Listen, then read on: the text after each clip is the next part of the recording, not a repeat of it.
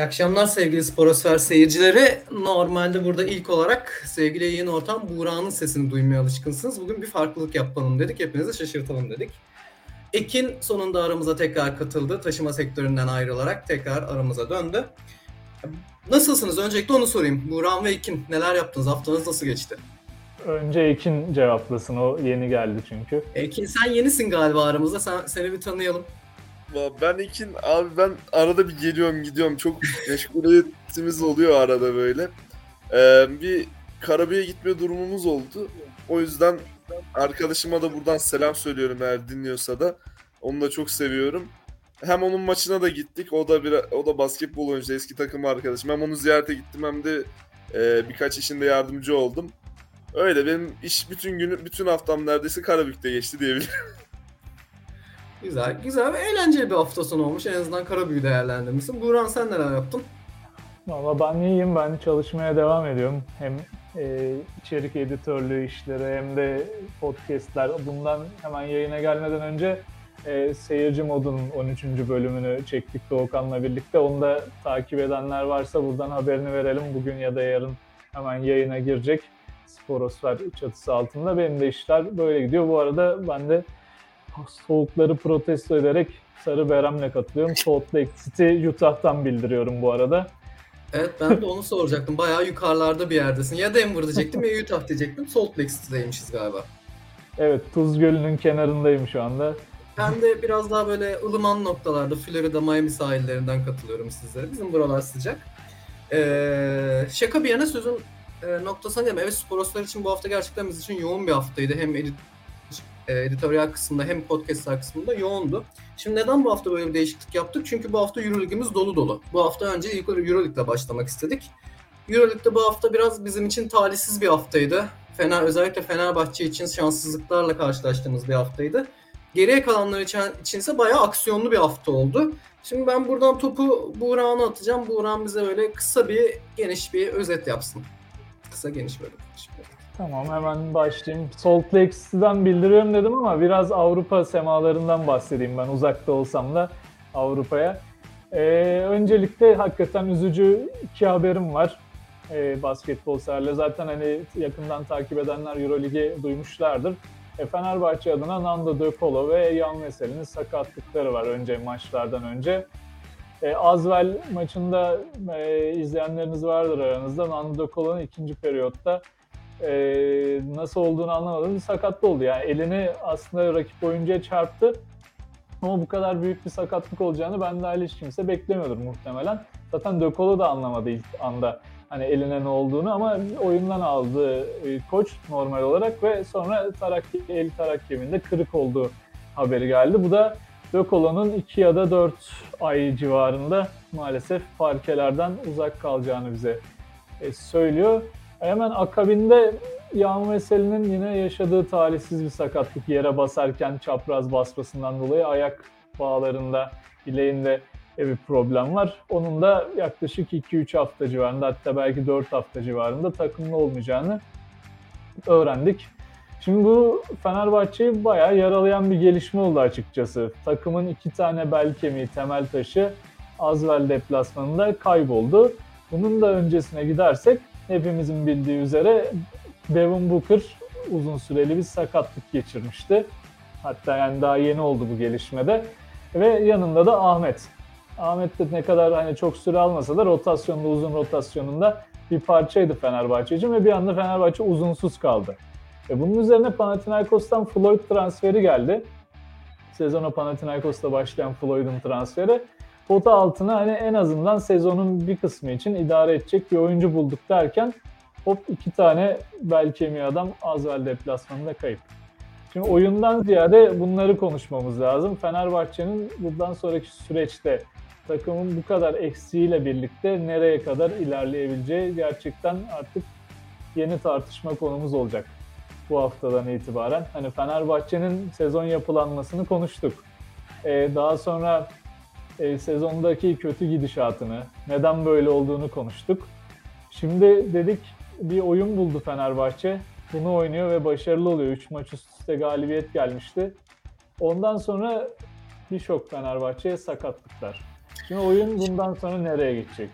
Evet aslında ben de burada bir es verip sözüne onu sormak istiyordum seninle. Biz bu sene içerisinde Fenerbahçe'nin sağ içini bol bol konuştuk yani. Anadolu Efes'i konuşurken temsilcilerimizden bahsederken Efes'in sağ dışını da konuştuk ama Fenerbahçe genelde bize sağ içi olaylarla geldi. Şimdi eee, bu olaylar Fenerbahçe'nin sezonuna noktayı koyar mı? Aslında bu sorum ikinize de. Yani düşünceniz ne? Geçen hafta tam dedik toparlanıyorlar. Sonunda bir oyun buldular. İlerleyecekleri bir oyun buldular. Belki de optimal oyunu buldular. Peki bu olaylar nasıl sonuçlar doğurur?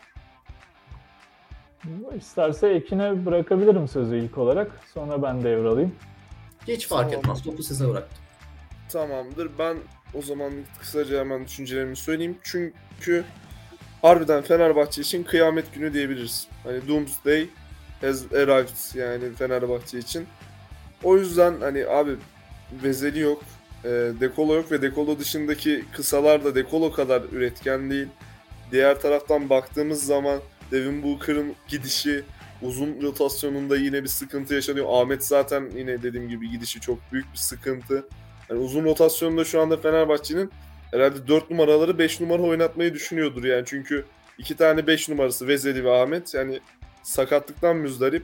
Devin Booker da hani yine keza 4 numara 5 numara oynayabilen bir oyuncuyu da kaybettiler. Nando De Colo da yok. Yani kısaca Fenerbahçe için bence e, sezon bitti diyebiliriz. Yani ben kısaca bunu söyleyeyim çünkü Euroleague neredeyse ortasına geldik. Artık playoff'lara katılacak takımların yavaş yavaş belli olacağını göreceğiz. Hangi takımların öne çıkacağını, hangi takımların top 8'te ve Final Four'da olacağını göreceğimiz haftalara geleceğiz. O yüzden Fenerbahçe'ye geçmiş olsun diyorum direkten yani.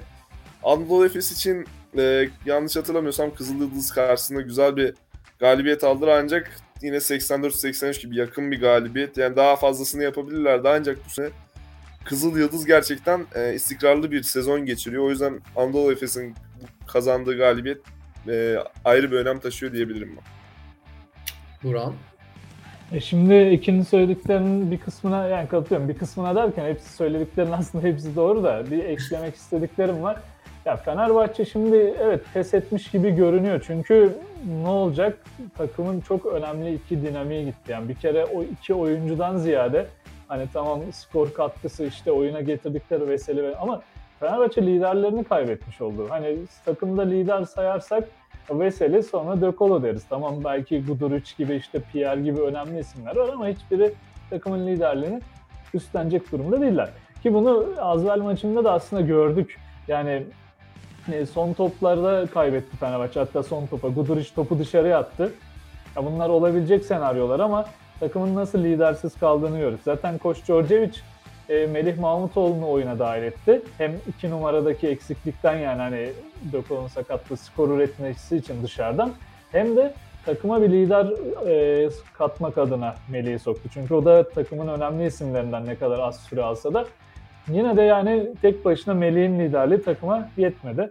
E, burada bir açık var Fenerbahçe'de. Bu tartışılmaz. Geçen sene zaten CSK serisinde de görmüştük. Takımdaki Covid problemleri ve Yan Veseli'nin yokluğu tamamen Fenerbahçe'yi dağıtmıştı. Şimdi buradan sonra Fenerbahçe'den bir şey olmaz diyemem. Ama olursa Djordjevic şapkadan tavşan çıkarmış olur ancak. Çok zor yani. Ee, Ve onun da zaten emarelerini şu gösteriyor. Hani e, NBA'den şutör aradıklarına dair kulislerde haberler dönmeye başladı bile. Fenerbahçe transfer peşinde. Çünkü yani bu kadroyla zaten derinliği 4 oyuncunun sakatlığıyla beraber kalmadı kadronun. Yerli rotasyonunu bir kenara ayırırsak. Hem kadroya derinlik katmak hem sezonun geri kalanında iddialı olmak için Fenerbahçe transfer yapmak istiyor. Bu çok normal ama e, sezonun bu evresinde de gelen transferler ne De Colo'nun yerini doldurur, ne Yan Veseli'nin yerini doldurur, ne Devin Booker'ın, yani ben performansını inişli çıkışlı görsem de bu sene ne onun yerini doldurur. O yüzden çok zor yani. İşte az önce ikinci söylediğine ekleyeceğim. Floyd geldi Panathinaikos'tan. Sezon orada başlayan Floyd. Ya onun da yani kalitesi tartışılabilir ama verimli bir oyuncu normalde. Ama takıma adapte olacak. Büyük bir boşluğu doldurmaya çalışacak. İşi çok kolay değil. Yani Fenerbahçe aksayarak devam edecek bu yerden bu saatten sonra. Bunu artık hani kabullenmek lazım. Biraz da kader yani kader meselesi tamamen. Ya evet birazcık şan ya birazcık değil bayağı bir şanssızlık oldu. Yani kimse bunu beklemiyordu. Kimse böyle bir sonuç olmasını beklemiyordu. Hazır tam dediğim gibi bir oyuna oturmuşken optimal seviyeye ulaşmak üzereyken bu gerçekten çok büyük bir talihsizlik. Ama şimdi benim sizin söylediklerinizden anladığım kadarıyla Fenerbahçe'nin bu duruma kendi içerisinde bir çözüm bulması çok zor. Yani belimizi şu an e, genel olarak dışarıdan transferlere bağlamak durumundayız Fenerbahçe için. Doğru mudur? Ya çok çok zor doğru çünkü hani şey gibi hemen temsil diğer temsilcimizden örnek vereyim işte Vasilya Misic, Bryant Dunstan sakat ee, şey Adrian Muerman sakat Efes'i düşün yani. Yani 4 numarada tek bir isim kalıyor. Pota altında neredeyse kimse yok. Bir de en iyi oyun kurucun yok diyeyim yani. Ya bu her takım için bir kabus. Her takım için kabus. NBA'in pandemik durumuna benzedi biraz ya. Covid-19 roundlarına benzedi. Tam topu Efes'e atmışken istersen yavaş yavaş oraya geçelim Buran. Kızıl Yıldız bir puan, bir, e, bir sayılık bir galibiyet. Nasıl değerlendireceğim? Ya şöyle aslında maça baktığımızda e, o bir sayı çok şey ifade ediyor. Kızıl Yıldız gerçekten maçın başından sonuna kadar bu seneki istikrarlı performansının emarelerini gösterdi. Yani hiç maçı boş bırakmadı. Efes ne zaman hamle yapsa Kızıl Yıldız karşılık verdi hatta iki katıyla verdi. Sezonun ortalaması %20 küsürlerde Kızıl Yıldız'ın üçlük isabeti ama bu maçta neredeyse %50 buluyorlardı. Çok fazla dış atış buldular. Hepsinde de isabet buldular ve yani Efes'i gerçekten böyle sarstılar. Hatta maçı kazanma noktasına getirdiler. İşte maçın kahramanlarından hepimizin yakından tanıdığı Nikola Kalinic çok özel bir performans koydu ortaya. Muazzam bir performans ama maçın sonunda iki serbest atışın ikisini de kaçırınca biraz da şans Efes'ten yana oldu ve Efes ama şunun meyvesini de almış oldu. Yani maçın sonuna kadar mücadeleyi bu sefer bırakmadık. Efes'teki problemlerden bir tanesi sezon başında geriye düştüğümüzde rakip oyununu bize dikte ettiğinde maçı bırakıyorduk. Artık Efes maçı bırakmıyor. Demek ki burada takım kendi kendine gelmeye başlamış ve zaten bunda playoff potasını atmasıyla Efes'in kendini oraları yoklamaya başlamasıyla görüyoruz. Oyuncuların yüzünden de bunu okuyabiliyoruz açıkçası. Hani bunları söyleyeyim ben şimdilik. Şimdi buradan topu Ekin'e şöyle atmak istiyorum. Aslında Buran güzel bir noktaya değindi. Maçı bırakmadığını gördük Efes'in. Biz burada ilk başta söylediğim gibi sezon başında Efes'in sağ içinden ziyade sağ dışındaki sorunlarını çok konuştuk. Aslında e, dediğim gibi Buran son birkaç söylediği şey çok önemli. Oyuncuların yüzleri, son dakikalarda oyunu bırakmamalı. Ekin sence bu geldiğimiz nokta ve Efes'in artık playoff kotasına bir adım kala kendini içeriye atabilmesini hissetmesi sence sağ dışındaki sorunları artık biraz yavaş yavaş ortadan kaldırmış olabilirler mi? Yani oyuncular hadi yapabiliriz oldu toparlanıyoruz moduna girmiş olabilirler ve bu istekle oynuyor olabilirler mi? Yani olabilir. Neden? Çünkü bir oyuncu başarıyı gördüğü zaman, başarıya yakınlaştığı zaman e, yanında olanlardan habersiz bir şekilde ona odaklanır, ona fokuslanır. Hani psikolojik bir açıdan kendini şey e, başarılı olmaya hazırlar.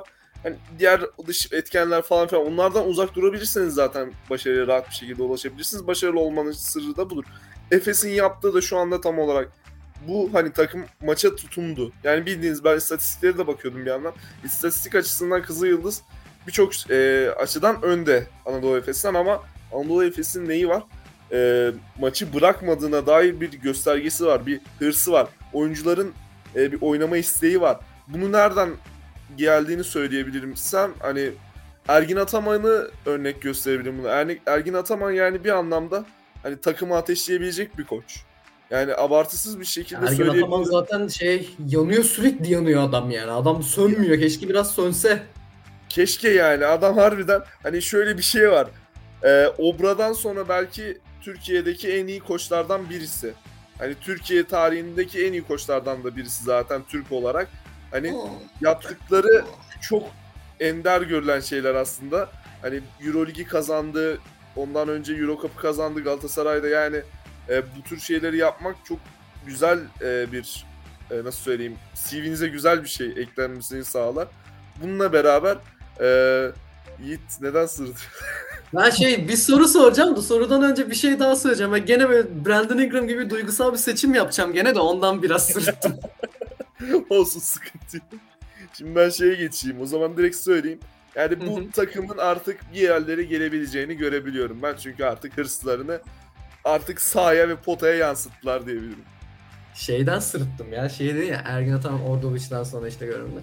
Ben orada gene bir duygusal seçim yapıp sanırım Ufuk Sarıca diyeceğim. Tamam karnesi karnesi çok büyük bir başarıyla kaptı tam devamlılığı belki pek olmadı ama gene de böyle İzmir'den bir duygusal seçimle Ufuk Sarıca diyeceğim.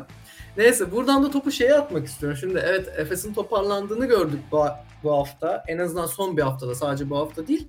Ama şunu sormak isteyeceğim. Şimdi bazı maçlarda farklar suni olur. Yani 30 sayılık bir fark olur, suni bir fark olur. Çünkü bu işte karşı takımda çok fazla eksik vardır. Oyuna yansıtamazlar. Bazı şanssızlıklar olur falan filan. Bazen az e, farkların da suni olduğunu görüyoruz. Böyle bir sayı, iki sayı gibi. Bu maçta bir sayılık fark pek suni bir fark değildi.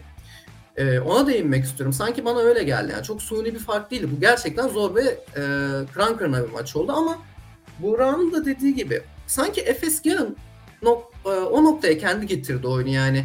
Kızıl Yıldız'ın e, dış şut performansının bu kadar yükselmesi de biraz e, Efes'le alakalıydı gibi. Yani çok fazla boş şut verdi Efes. Sanki biraz defekleri ortaya çıktı. Zaten defekleri ortaya çıkıyordu ama e, özellikle dış savunmasının defeklerinin ortaya çıktığını gördüm ben bu maç. İlk önce bu round'dan başlayıp sonra yorum olarak ekine geçmek istiyorum tekrardan. Şöyle oldu aslında dış evet dış savunmada yani kısa savunmasında Efes'in zorlandığını gördük ama ben şuna bağlıyorum olayı. E, Efes hücumda ne kadar etkisiz kalırsa bu savunmasına yansıyor. Bunu kaç senelik periyotta gördük hani bu şampiyonlar giden süreçte şampiyon olduğu sene bile dahil.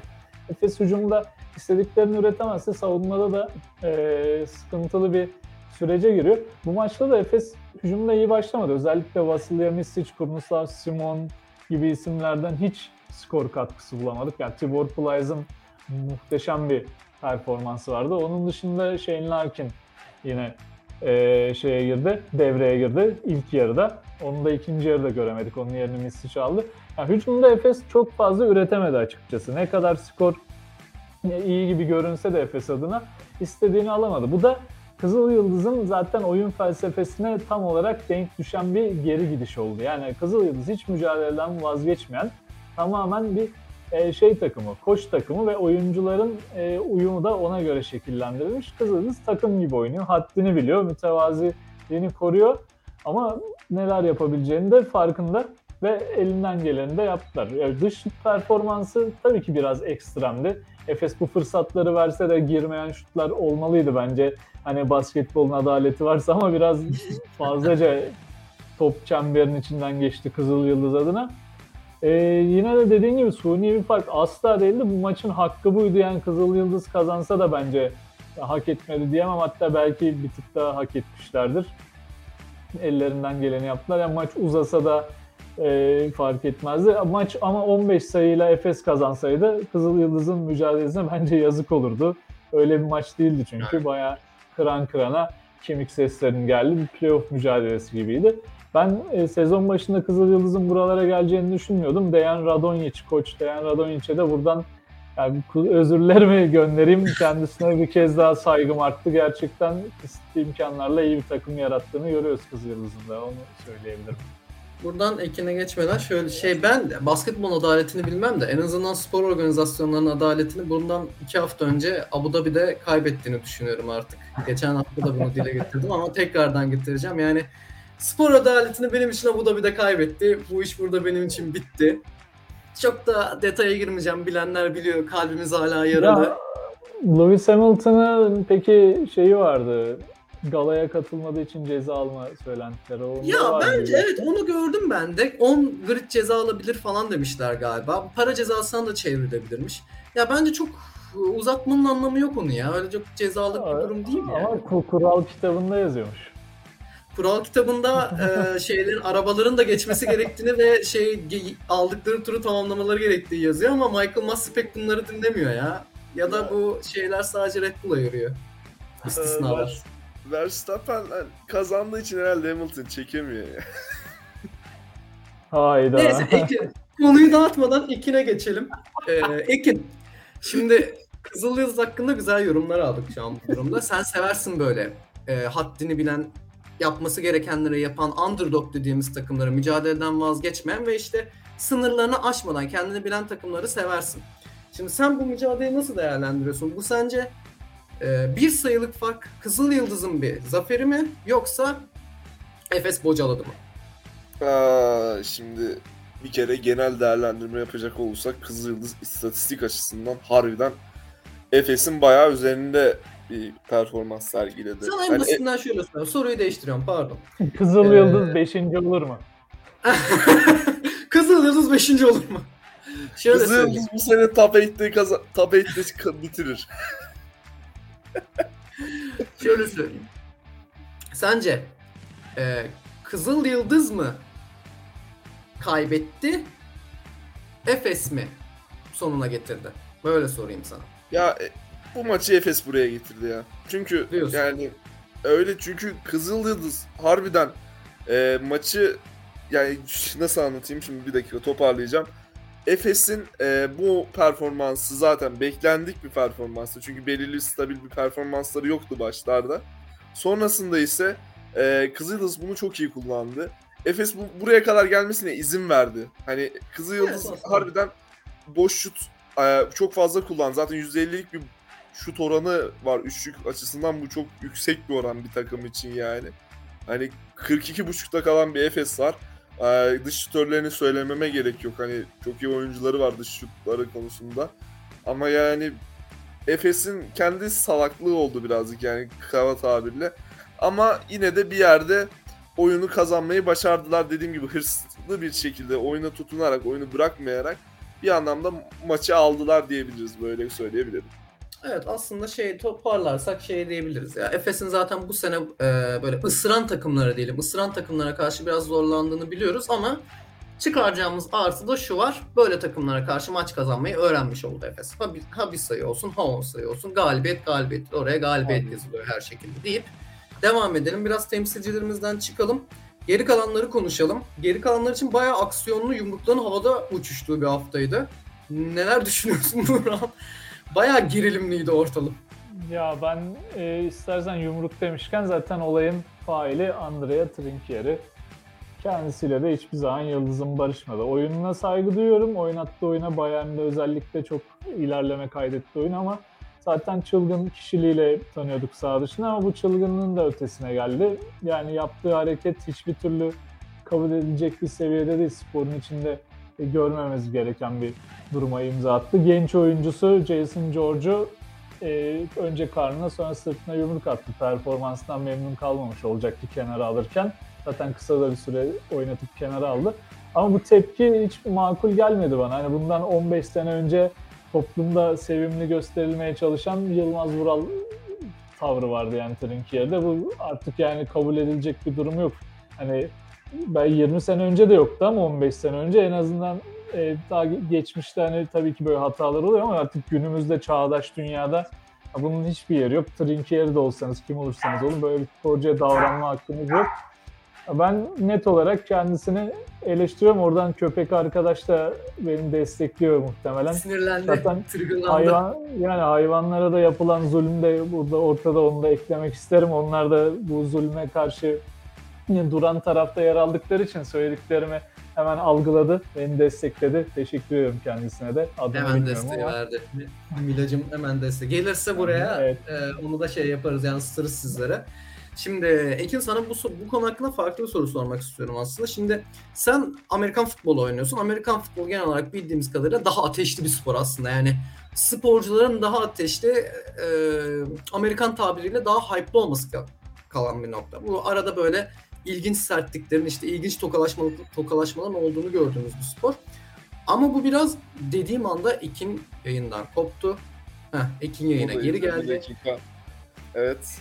Ee, dediğim gibi ama bu biraz ateşlemenin çok Evet. çok çok dışında bir noktaydı zaten. Ateşlemeyle alakalı olan bir şey değildi. Yani e, bu çağdaş ve modern sporda pek görmeye alışkın olmadığımız ve görmek istemediğimiz bir şeydi aslında. Ve bu genç bir oyuncuya yapıldığı zaman oyuncu gelişimini inanılmaz kötü etkileyecek bir şey. Yani ya koç koçla ilgili zaten bir şey konuşmayacağım şu an yani. Onunla artık onunla ilgili konuşulacak bir şey yok ama ben burada seni durumunu sormak istiyorum. Yani sen yerinde olsaydın böyle bir genç yaşta böyle bir oyuncu olarak bu durumun yerinde olsaydın nasıl hissederdin kendini? Ne yapmayı planlardın yani? Ya ne yapmayı planlardım? Bir kere e, bizim oyunumuzda bile bir koç bunu bir oyuncuya yapamaz. Yani imkanı yok. Bizim takımımızda Hiçbir özellikle. insan bir insana bunu yapmaz yani. Ben Aynen öyle. Hani Karnına vursam, sırtına vursam gömersin Ya hiç- beni oraya yani mesela. hani hani orada yani size şöyle söyleyeyim. Ben olsam bir başkan olsam, kulüp başkanı olsam ya demek ki yani normal yani maçın ortasında yapıyor. normal hayatta antrenmanda demek ki daha fazla yapan bir adam. Yani bu adamı ben hani isterse hani bana dünyanın en iyi koçu olsun. Bana Euroligi 9 10 defa kazandırsın. Umurumda olmaz ve kovarım. Yani bu kadar. Hani bu hani bir insanın e, psikolojisi bir şampiyonluktan, bir galibiyetten önemli değil. Ben o genç arkadaşımızın ve genç oyuncumuzun hani durumunu anlayabilecek şu an şeyde psikolojide değilim. O çocuk hem Euroleague milyonlarca in- insan tarafından izlenen bir organizasyon ve orada annem baban da seni izliyor. Annenin babanın gözü önünde biri tarafından dayak yiyorsun. Bir şey yani dayak yediğin bir şiddet görüyorsun. Yani ben olsam ya ben giderim oyuncu olarak ben giderim sözleşmemi feshederim. Euroleague'de olması, şampiyon olması, şampiyon takım olması benim umurumda olmaz. Benim bir kere psikolojim daha önemli, canım daha önemli. Ya da o koç gider derim ya ben kalırım. Ya bu kadar. Bu çok e, etik bir davranış değil. Hatta etiklerin sınırlarını zorlayan bir davranış. Hani istediğiniz kadar hayat tarzınız çılgın olsun, şey olsun. Hani hayat tarzı çılgın olan bir sürü koç var. Hayat, hani ve ama bu kadar şiddet göstermiyorlar. Böyle insanlar yok yani. Çok saçma bir şey. Ben çok saçma buluyorum bunu. Zaten şöyle bir şey. Bunun şiddet müddet açıklanacak bir şey yok. Bu açıklanabilecek bir hareket değil yani. Bence Aynen bana da sorarsanız şöyle söyleyeyim. Yani bu e, kulüp başkanı evet buna bir el atmalı ama bence bundan daha da önemlisi federasyon bunu bir el atmalı. Yani kulüp başkanı da geçecek bir olay. Bu sahanın ortasında yapılan bir şey ve bu tamamen markaya da zarar veren bir olay. Bu tamamen Eurolig'in ve basketbolun adına zarar veren bir olay. Yani bence direkt federasyon da buna el atmalı. Siz ne düşünüyorsunuz bu konu hakkında? Yorumlarınızı merak Valla ediyorum. şimdi tam haberim yok açıkçası ama Euroleague belki de Trinkieri'ye bir ceza vermeyi düşünüyordur ya da vermek üzeredir. Ee, çünkü hareket dediğiniz gibi bariz yani maçın içerisinde kameraların yakaladığı bir hareket. Normalde e, bu şiddetin cezasız kalmaması lazım ki şeyde görmüştük bence yeterli değildi ama Markao Kerem Aktürkoğlu olayı geldi aklıma Galatasaray'da. Onda da ceza vardı ama şimdi Markao takıma döndü. Kerem aynı takımda. Bilmiyorum biraz da böyle şeyler bence fazla çabuk tolere ediliyor. Yani net cezalar çıkmadıkça da bu hareketleri yapmaktan çekinmiyor karşı taraf. Trinkieri zaten yani sorumlu bir kişilik olduğunu kendi de ifade ediyor ama yani bunun şeyi yok. Sorumlu kişilikseniz gidin evde oturun o zaman yani. Sorumlu kişiliksen psikolojik yardım alırsın yani bu kadar Aynen. basit orada ne işin var senin? Yani o da oyun attığı oyunun da önüne geçiyor. Her şeyin önüne geçiyor. Hani ben daha fazla çok bir şey söylemek istemiyorum. Bu artık hani sporun ve her şeyin önüne geçen bir hareket. Görmek istemem ben açıkçası Trinkieri'yi bundan sonra yani Euroleague'de.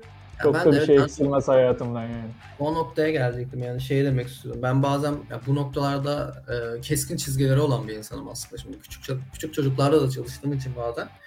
Yani bence men edilmeli. Öyle söyleyeyim yani. Direkt spordan men edilmeli. Yani bilmiyorum belki sert görürsünüz, belki işte biraz cezası aklı başına gelir diye düşünüyorsunuz ama ben genelde dediği gibi mesela kişilikle alakalı bir şey, bu mizaçla alakalı bir şey. Yani ben bunun düzeleceğini sanmıyorum ve ben de yani spor sahasında bu insanı görmek istemem. Çünkü basketbol sevdiğimiz spor. Basketbol güzel bir şey ve güzel olan bir şey kirletmenin anlamı yok yani. Öyle söyleyeyim. Diyeyim. Ee, var mı Buğra Avrupa'dan bize başka aktaracağım bir şey yoksa kıta değiştirelim mi? Aslında var Ekin'in söyleyeceği bir şey yoksa hemen onları da ekleyeyim. Yok, Yani ben de şöyle bir- tamamım. İki haberim var diyeyim daha doğrusu. Yine de Euroligi yakından takip edenlerin kesinlikle haberi vardır. Real Madrid bu arada NBA'de birazdan geçeceğimiz konuya da spoiler vereyim. Covid protokolleri ve e, yaşanan Covid vakaları Avrupa'da da var. Yok değil. Mesela Real Madrid bundan en çok çeken takımların başında geliyor 2-3 haftadır. Takım e, kadro çıkaramama aşamasına gelmişti maça. Ve 4 tane 5 tane e, alt takımdan oyuncuyla CSK Moskova karşısına çıkmak zorunda kaldı Real Madrid evinde. E, ne oldu? CSK Moskova tam kadro CSK Moskova'yı Real Madrid mağlup etmeyi başardı. Bence haftanın en önemli sportif gelişmesi buydu yani.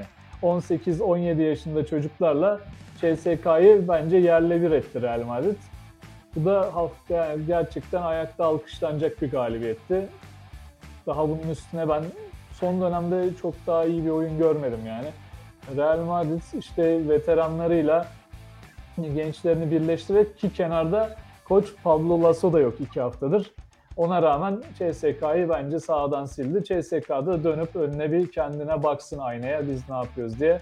Ama şunu da eklemek istiyorum yani bu başka programda da konuşmuştum ben Europost'ta bizim çektiğimiz ayrıca. E, ben Dimitris Itudis geçen sene gitmeyeceğini söylemiştim Mike James kavgasından sonra ama sezon başında dedim ki Itudis'in bu son senesi olacak. Itudis buradan yolcu. Ben haberini vereyim CSK severler de sezon sonunu beklemeden belki Itudis'in ayrılığını bile görebilirler.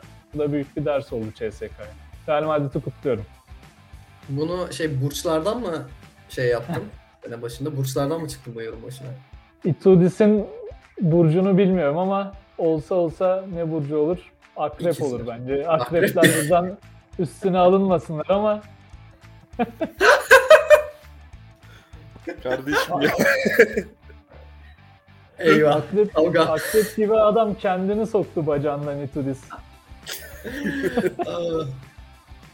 Ay, biraz öyle, biraz öyle oldu. Peki bir şey soracağım. Sence bu Real Madrid'in gençleri yeni bir Real Madrid jenerasyonunun gümbür gümbür ayak sesleri olur mu yoksa o biraz şans, biraz gün, iyi gününe denk gelmesi mi? Ya şimdi bir maçtan böyle şeyler söylemek hiçbir takım için, hiçbir oyuncu için doğru değil ama zaten Real Madrid altyapı olarak Avrupa'nın en elit kulüplerinden hani futbolda olduğu gibi değil. Yani futbolda da tabii çok oyuncu yetiştiriyor ama genelde hani şeye çıkmamasıyla eleştiriliyor ya oyuncuların. Futbolda Real biraz şeyle A takımı, yapıyorlar A takımı yani. seviyesine. Evet öyle hani yok çok oyuncu yetiştiriyorlar ama işte şeyde görüyoruz biz onları. Levante'de, Betis'te, e, Zaragoza'da Real Madrid A takımında göremiyoruz ama basketbolda biraz durum daha farklı. Gerçekten önemli yatırımlar yapıyor Real Madrid. O yüzden zaten Vukcevic gibi isimlerin A takımda da olduğunu farz edersek genç yaşına rağmen işte Osman Garuba'nın kardeşi vardı bu maçta genç takımdan. Mesela örnek verebileceğimiz hani abisinin başarılarının ardından gidebilecek. Onun da potansiyeli çok yüksek.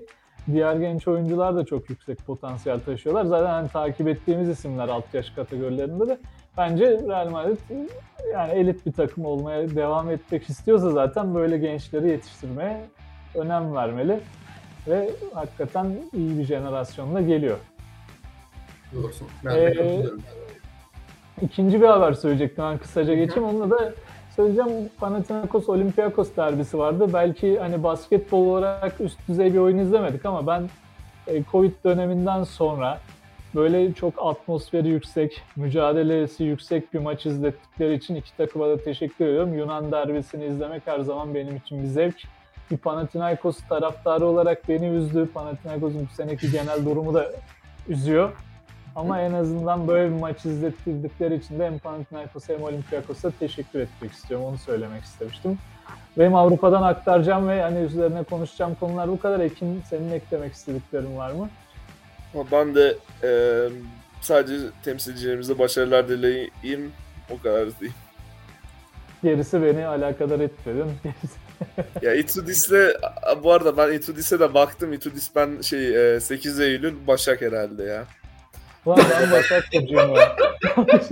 Yani Kendi ayağıma ben sıkmış oldum herhalde. abi. Kudüs'le Gerçekten Aynı- akreplere bugüne kadarki en iyi savunmayı sen yaptın şu an Ekin ya. Ekin'in akrep savunması büyüktür Sokrates'in savunması. ya valla ben de kendi ayağıma sıkmış oldum. Keşke girmeseydim. Başak Burcu ben Başak Burcu'yum. Bu arada pek anladım bir şey değil ama İyi var ben bu tartışmanın tamamen dışındayım şu an ya. Çok uzaklardayım. Oğlan ben. Itudis'le aynı burçta olmaktan da yani esef duymuyorum ama sonuçta şam- şampiyonlukları olan bir hoca ama çok da kendisiyle Yıldız'ın barıştığı söyleyemeyeceğim. Neyse bu konuyu bence kapatalım. Hani zaten süremizin de sonuna yaklaştı falan diyorum. Bugünlük program bu kadar. Kadar değil, değil ama hadi şey olsun.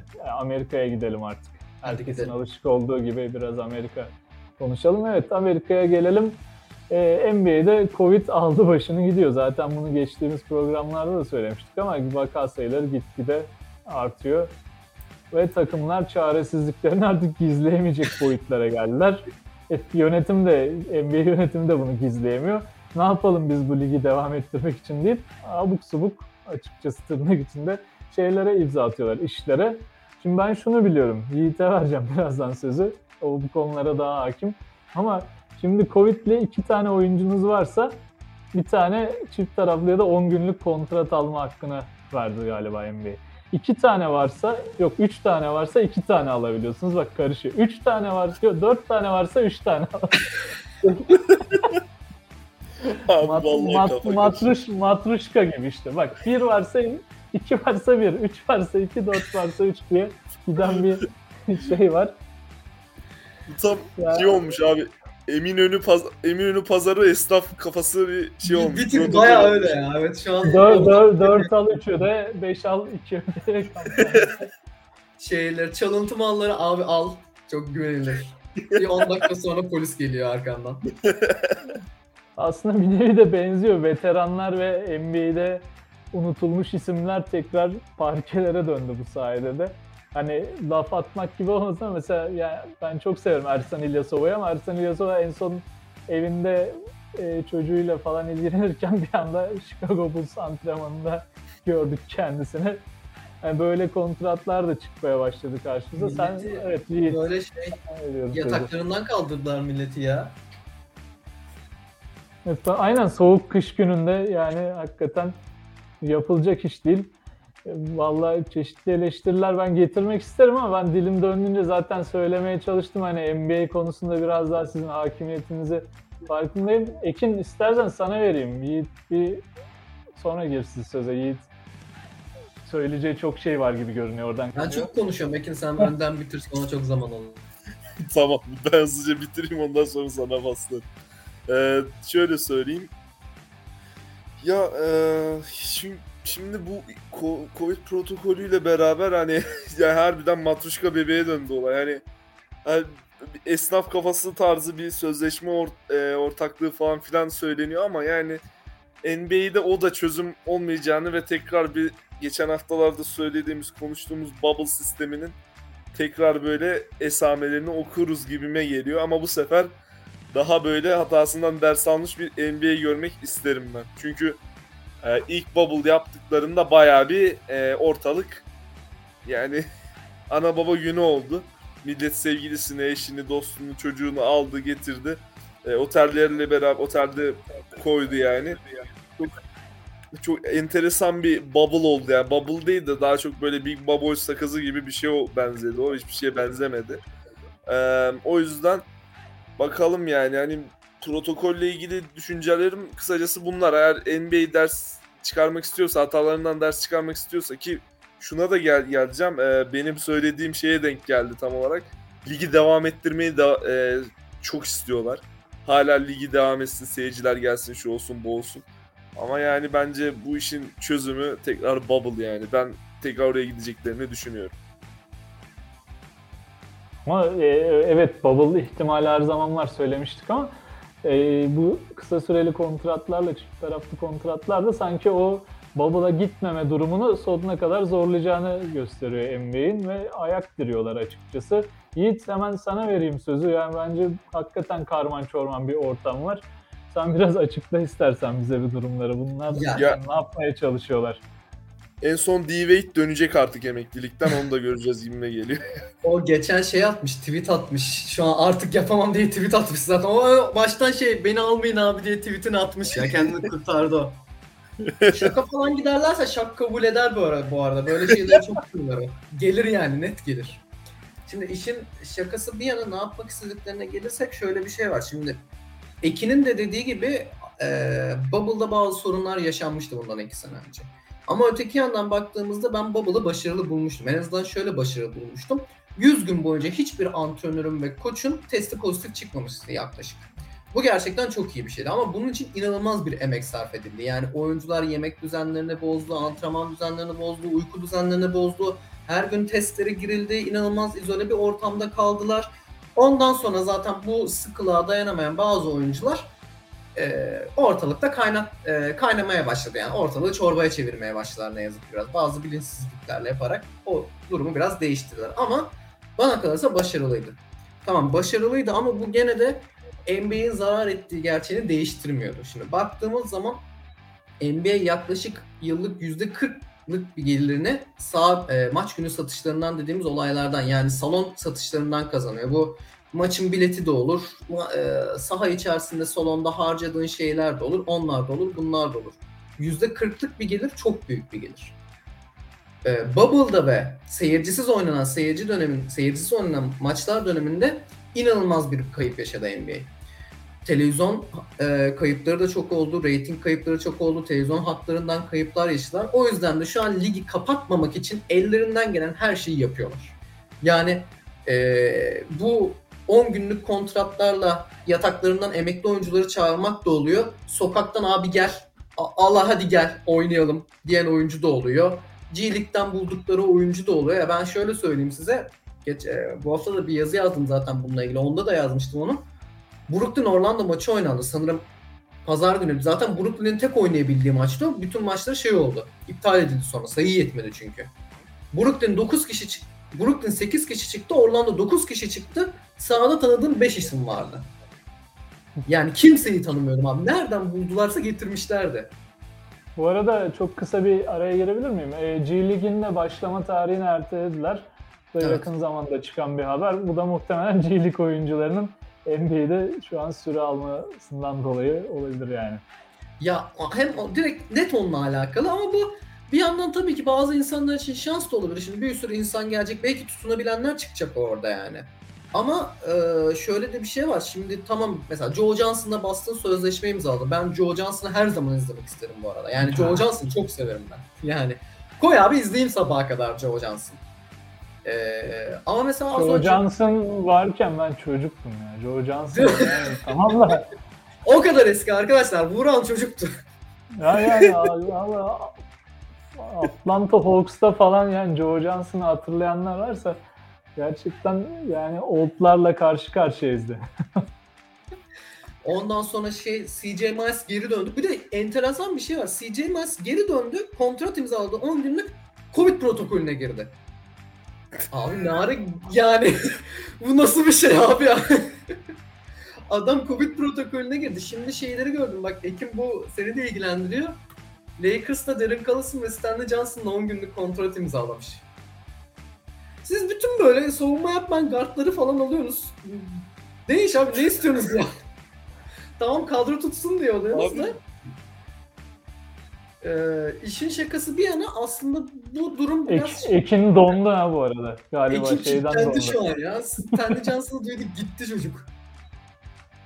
Ekin şey diyor Abi abi yeter artık üçlük adam oyuncu almayın ya. Abi hayır ben şutu olan bir oyuncumuz olsun yeter artık ben kendim gidip oynayacağım. Los Angeles'a dilekçe yazacağım yani. Ben savunma yapabiliyorum abi. Hani benim özelliğim var, bu özelliğim var deyip Zaten- oynayacağım yani. Bu gidişle bak ben sana söyleyeyim. Sen net Lakers'a gideceksin. Uğran Beres ile Indiana Pacers yolcusu. Ama Ben- benim üstümde şöyle yapayım da Cleveland Cavaliers şeyi var görünmüyor ama. Tamam o da Colin, şu an Colin Sexton'ın yerini dolduranı da bulduk. Ee, ben nereye gideceğim hiçbir fikrim yok. Belki gönül bağı olarak New Orleans'ı alırlar ya. Onlarda da çok? Covid sıkıntısı yok. TBL Ben 2'de biliyorum abi. TBL 2'de Karşıyaka Belediyesi kime karşıydı hatırlamıyorum da ezici bir mağlubiyet aldı Yiğit. İstersen onlara bir destek ol. Ben bir gideyim orada yardım edeyim. Şimdi şaka bir yana ufak ufak toparlayalım devam edelim sonra da. Ee, gerçekten bir sıkıntılı bir durumdalar. Yani gerçekten durdurmamak için her şeyi yapıyorlar.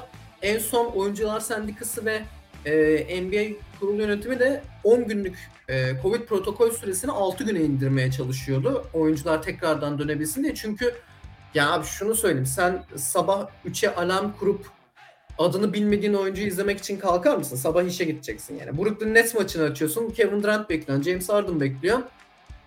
Yok yani baba tanımıyorsun sahadaki oyuncuyu falan böyle.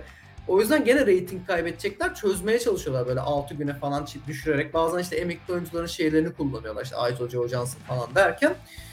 Ee, pek iyi gözükmüyor durum. Yani bana göre sanki biraz kapanmaya gidecekler gibi. Bir de onlar şeyden çok korktu. Hemen bitiriyorum burada. Christmas maçları var bugün biliyorsunuz ki. NBA'in e- özel yemekleri, special yemekleri.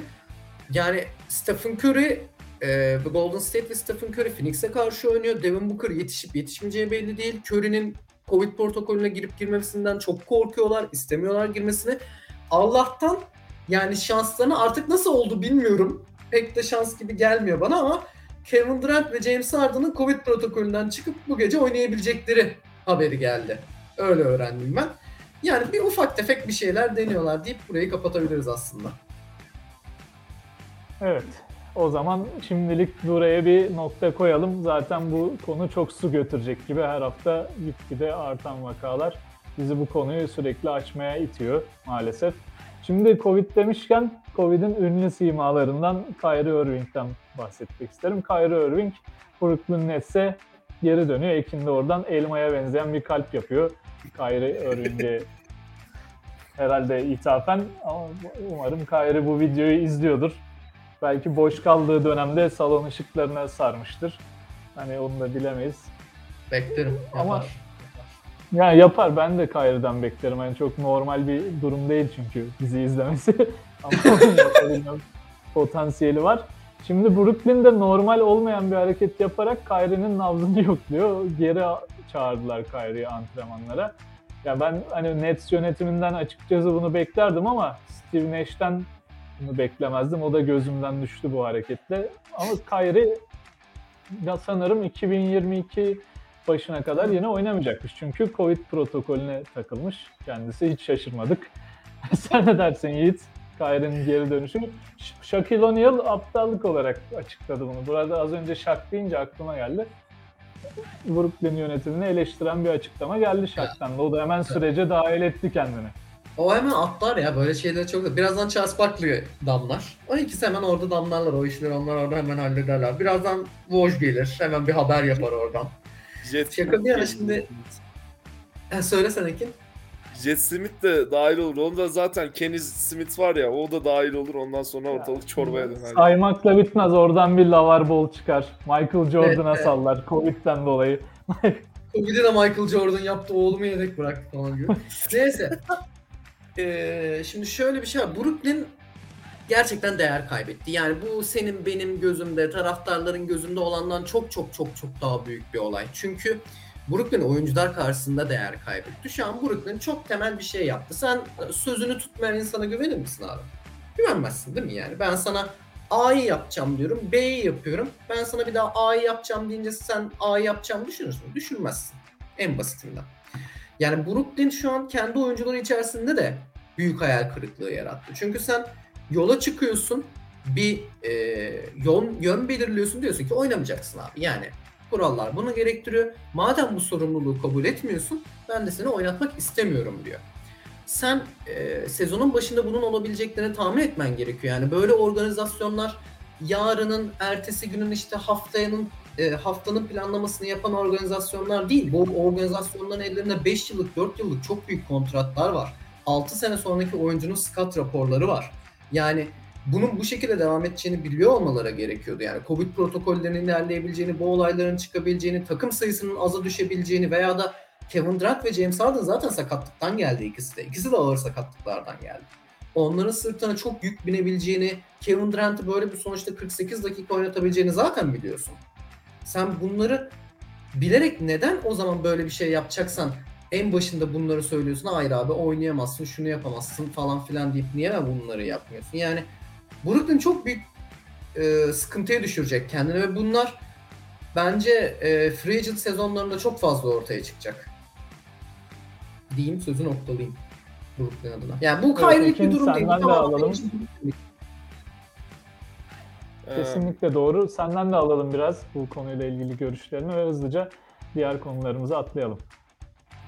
Tabii ben Kyrie'ye zaten e, biliyorsunuz normalde oyununa hiçbir lafım yok. Gerçekten iyi bir oyuncu ancak yani e, mental açıdan dengesizin önde gideni diyebilirim. Hani buradan dümdüz bunu diyeceğim ya başka bir şey söyleyemem artık çünkü sinir oluyorum. E, takımı bile ne hale getirdiğini artık farkına varmış olması lazım ki herhalde takım artık ona yalvarmaya başladığı için yani bu sefer daha fazla şımaracağından korkuyorum ben açıkçası. Hani takımın yaptığı hataları vesaire bunları demeyeyim. Hani artık Kyrie'nin şımarıklık konusunda biraz daha üst bir seviyeye atlayacağından korkuyorum.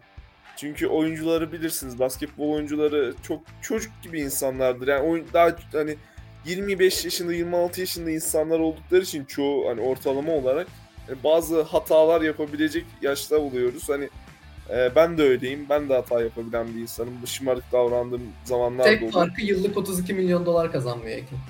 Aynen öyle. Adam hani 32 milyon doları böyle görünce herhalde daha fazla şımarıyor işte. Yani sen benim kim olduğumu biliyor musun falan olayı oluyor yani. Hani e, Kyrie de bunu herhalde birazcık abarttı. Hani sen benim kim olduğumu biliyor musun? Ben LeBron'un yanında şampiyonluk kazandım falan filan. KD ile oynuyorum gibisinden bir şımarıklık tarzı bir şeyi o gelişti. Brooklyn'in onun için hatta kendisinin Brooklyn için vazgeçilmez olduğunu düşündü. Brooklyn bir ara harbiden benim benim yarımda yer alarak dedi ki hani Kyrie'den vazgeçebiliriz. Kyrie de bundan korktu aslında biraz bence. O paylaşımını aklı, yani aklınıza getireceğim. O paylaşımından sonra tekrar Brooklyn'in böyle bir geri adım atması yani kusura bakmayın Kyrie'ye yenildiniz Brooklyn yani başka bir şey diyemeyeceğim. Gerçekten biraz öyle oldu ya. Ya işte hani çok fazla da uzatmak istemiyorum lafı ama e, NBA'de gerçekten star oyuncularında bazen böyle ayak direyerek istediklerini aldığını uzun yıllar içerisinde hep gördük. Maalesef hakikaten yüksek kontratlar takımlarında biraz elini bağlıyor diyelim. E, ve haftanın oyuncusu ve takımları köşemize gelelim süremizin sonlarına yaklaşırken. Evet yine haftanın oyuncusu ve takım köşesinde tanıdık yüzler de var. İstersen direkt Yiğit sana vereyim sözü. Sen açıkla takımları ve oyuncuları. Ben orada her zaman bu, e, bu hafta dair görmeye alışkın olduğum bir ismi destekleyici açıklamalar yapacağım senden sonra. Şef deyip deyip vereyim spoiler'ı. Verdi spoiler, ufak spoiler'ı. Neyse en azından Spider-Man No Way Home spoiler'ı değil. İçim rahatladı. Ee, şöyle. Şimdi her zamankinden daha kısa bir haftanın takım ve haftanın oyuncuları köşemiz var. Çünkü maç oynanmadı arkadaşlar. Yani maçlar oynanmadı. Perşembe günü zaten hiç maç oynanmadı. Ertelenen oldu. Ve zaten performans beklediğimiz çoğu oyuncu yoktu. Şöyle hemen hızlıca söyleyeyim. Chicago Bulls zaten iki maç oynayabildi bu hafta. İkisini de kazandı. Haftanın doğudaki takımı Chicago Bulls seçtik. Onlar Covid'den iyi çıktılar. Yani Covid'den iyi çıkan takım onlar. Öteki yanda Batı'da Phoenix Suns'ı seçtik. Phoenix Suns 3-0'la bitirdi. Ee, bunun en büyük nedeni de şu Phoenix Suns Covid'den en az etkilenen takım gerçekten. Yani iki senedir, geçen sene zaten bu çıkışlarında öyle bir e, şansları vardı. Covid'den çok az etkilendiler. Oyunculara gelirsek Doğu'da Demar DeRozan'ı seçtik. Covid sonrası dönemde çok iyi döndü. Yani Covid protokolüne girip e, bu kadar iyi dönen oyunculara çok denk gelmedik. En azından bir hafta yapıldıklarını görmüştük. 32 sayı, 52.4 şut yüzdesi, 3.5 rebound, 6 asist, 121 ofansif ratingle oynadı ki bu birazdan söyleyeceğim Stephen Curry'nin ofansif ratinginden bile fazlaydı. Batı'da da tanıdık isim Şef Curry her zamanki gibi. Stephen Curry burada bizimle beraber. 32 sayılık o sayı ortalaması var. 46 sayılık mükemmel bir maç performansı var. Onu da altını çizerek söyleyeyim. Çok iyi oynadı her zamanki gibi. 46 sayı attı. 3.5 rebound, 4 asist, 119 offensive rating, 69.4 true shooting ve en önemlisini sona sakladım. Belki de insanların en çok kaçırdığı şey Stephen Curry iyi bir savunmacı ve 98'lik 98 puanlık savunma reytingi de aslında bize bunu en çok gösteren şey deyip sözü bırakayım burada. Evet Ekin, senin bu konuya itirazın ya da söylemek istediklerin var mı? Oyuncular ve takım hakkında ne diyorsun? Yoktur canım. Charlotte maçı oynamadı zaten doğru düzgün. Aynen ya. Charlotte oynamadığı için bir şey diyemeyeceğim. Valla o yüzden direkt e, hatta Lakers'a da bir şey demeyeceğim. Ee, yani Stephen Curry'den zaten beklediğimiz bir performans. Ya adam hani leblebi gibi atıyor açıkça konuşmak gerekirse. Yani başka yapabileceği en iyi şey de savunma. Bunu da zaten az önce Yiğit'in dediği gibi belli ediyor. Ee, takımı tekrar sırtladı. Aynı bu KD öncesi dönemdeki gibi takımı tekrar sırtladı ve götürüyor. E, Clay Thompson da buna dahil olması çok beklenen bir oyuncu. Çok sevdiğim de bir oyuncu. Onu da bekliyorum ama Curry'nin şu anki performansı hani e, nasıl söyleyeyim? Yani çok güzel ya. Harbi bu, bu kelimeler kifayetsiz kalıyor abi. Aklınıza geldikçe böyle Curry'nin ikonik bir de fotoğrafı vardı. Siz gördüm hani hep bütün e, dinleyenlerimiz ve izleyenlerimiz görmüştür. Hani bu sezon Curry'nin sezonu olabilir yani. Hiç belli olmaz ya. E, onun Zaten dışında öyle de gidiyor değil mi? Şimdilik öyle gidiyor. Kes- kesinlikle yani Curry hani MVP olur bu gidişte yani ben öyle düşünüyorum. Hiç yani şaşmaz yolundan. Onun dışında Doğu'da Demar DeRozan hani e, Toronto'nun kayıp çocuğu. E, çocuk orada Chicago'da tekrar kendini buldu resmen. Hatta Chicago'da kendini buldu. Toronto'daki günlerinden çok daha iyi oynuyor bence. Daha böyle olgun bir oyunu var. E, eski Demar DeRozan ne demekti abi? Potaya penetre edip smaç basan bir oyuncuydu. Şutu çok fazla yoktu. Ancak şimdi baktığımız zaman yani e, pas ortalam pas e, şut ortalamaları, asist ortalaması bunu artık kendini ve olgun bir oyuncu olduğunu gösteriyor. Öbür tarafta hani e, yani savunma reytingi de gayet bence olduğu kadar yani savunma da bence çok iyi durumda. Ofansif reytingi zaten her zamanki gibi dediğim gibi içeri drive yapabilen ve potayı tehdit eden bir oyuncu. Kısa e, olmasına rağmen, şutör guard olmasına rağmen. Yani diğer takımlar hakkında da diyeceklerim şudur. Yani Chicago Bulls'la Phoenix Suns'tan beklediğimiz performansları ben bu hafta yine gördüm. Ee, böylelikle de haftayı kapatmış oldular diyeyim ben. Evet o zaman biz de haftayı kapatmış olalım. Zaten süremizin sonuna da geldik. Hatta açtık bile. O zaman gidelim yavaştan. Herkese keyifli bir cumartesi akşamı dileyelim. E, Sporosfer'de kalın. Bizi de izlemeye ve dinlemeye devam edin diyelim. Herkese de teşekkür ediyoruz ve haftaya görüşmek üzere diyelim. Hoşçakalın. Hoşçakalın. Diyoruz o zaman herkese hoşçakalın.